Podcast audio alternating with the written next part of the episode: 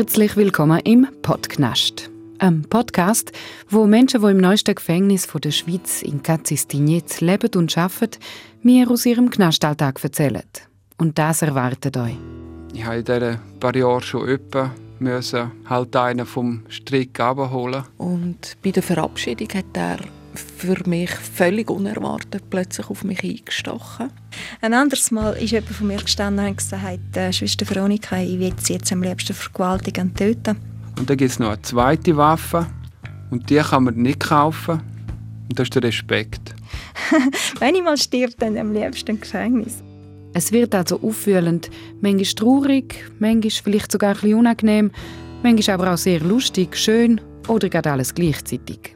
So viel kann ich euch aber jetzt schon versprechen, meine Gäste haben unheimlich viel Interessantes zu erzählen. Und wir lesen auch Briefe vor, die von Insassen oder von Angehörigen von Insassen geschrieben worden sind. Insgesamt gibt es zehn Episoden, jede Woche erscheinen ein paar neue. Jeweils auf Romanisch, aber auch auf Deutsch, und zwar auf Spotify, Apple Music oder auf rtr.ch.